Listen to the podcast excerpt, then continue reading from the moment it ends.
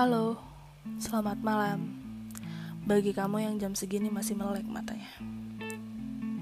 Iya, kamu yang lagi dengerin ini. Tahu gak sih definisi capek? Kalau definisi lelah, letih, pasrah. Iya, iya.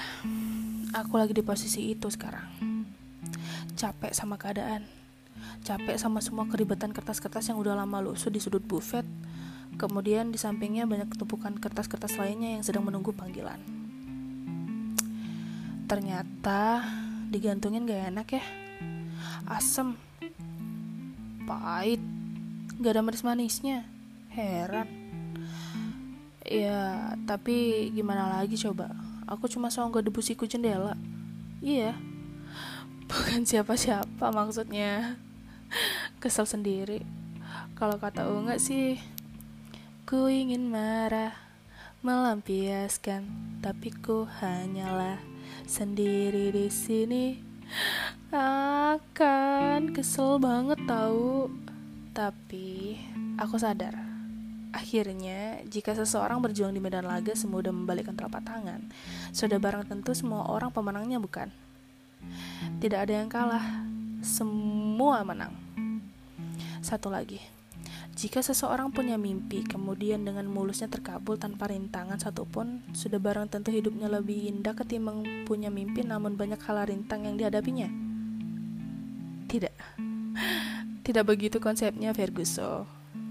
Justru, Mimpi yang banyak hal rintang lah yang akan mengingatkan kita pada kerasnya dunia fana ini, yang mampu menjadi alarm kita bahwasannya hidup tak semudah bahkan tak seindah yang kau pikirkan.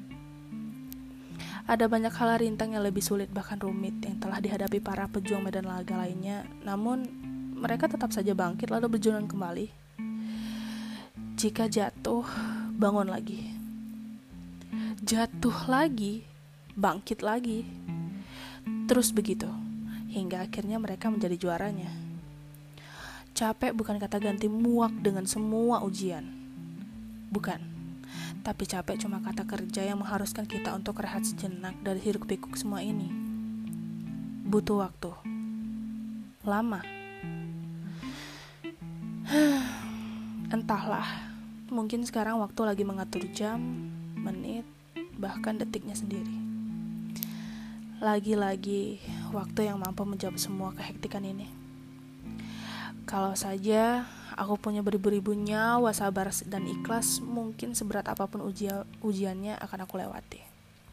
Tapi apa daya, aku sekarang belum cukup mengumpulkan sabar dan ikhlas sebab masih dalam pengumpulan. Ada-ada saja yang menguji kesabaran dan keikhlasanku. Semakin hari, semakin mengerti bahwasannya sabar dan ikhlas itu nggak perlu dikumpulin tapi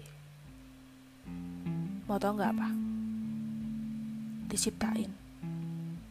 Sabar dan ikhlas itu diciptain. Aku bersyukur sejauh ini aku mampu berpikir bahwasannya penundaan ini bukanlah akhir dari segalanya, namun awal dari segalanya. Berbaik sangka nggak bikin kamu jadi keki, bukan? Mungkin saja kali ini pihak menging Kali ini maksudku semua pihak menginginkanmu untuk rehat sejenak sebab terlalu sering melihatmu atau bertatap muka denganmu untuk urusan ini itu. Bisa saja kan? Atau agar kamu cukup paham atas apa yang telah kamu tulis misalnya. So, terkadang capek itu adalah obat termanjur untuk relung jiwa ini merestart ulang semuanya agar ke depan lebih siap untuk diuji lagi. Rehat sebentar bukan berarti berleha-leha hingga terlena lalu lupa, bukan? Capek itu wajar kok. Kalau capek istirahat. Buat apa sih buru-buru kalau santai adalah kunci? Semoga hari esok cerah, gak hujan badai lagi.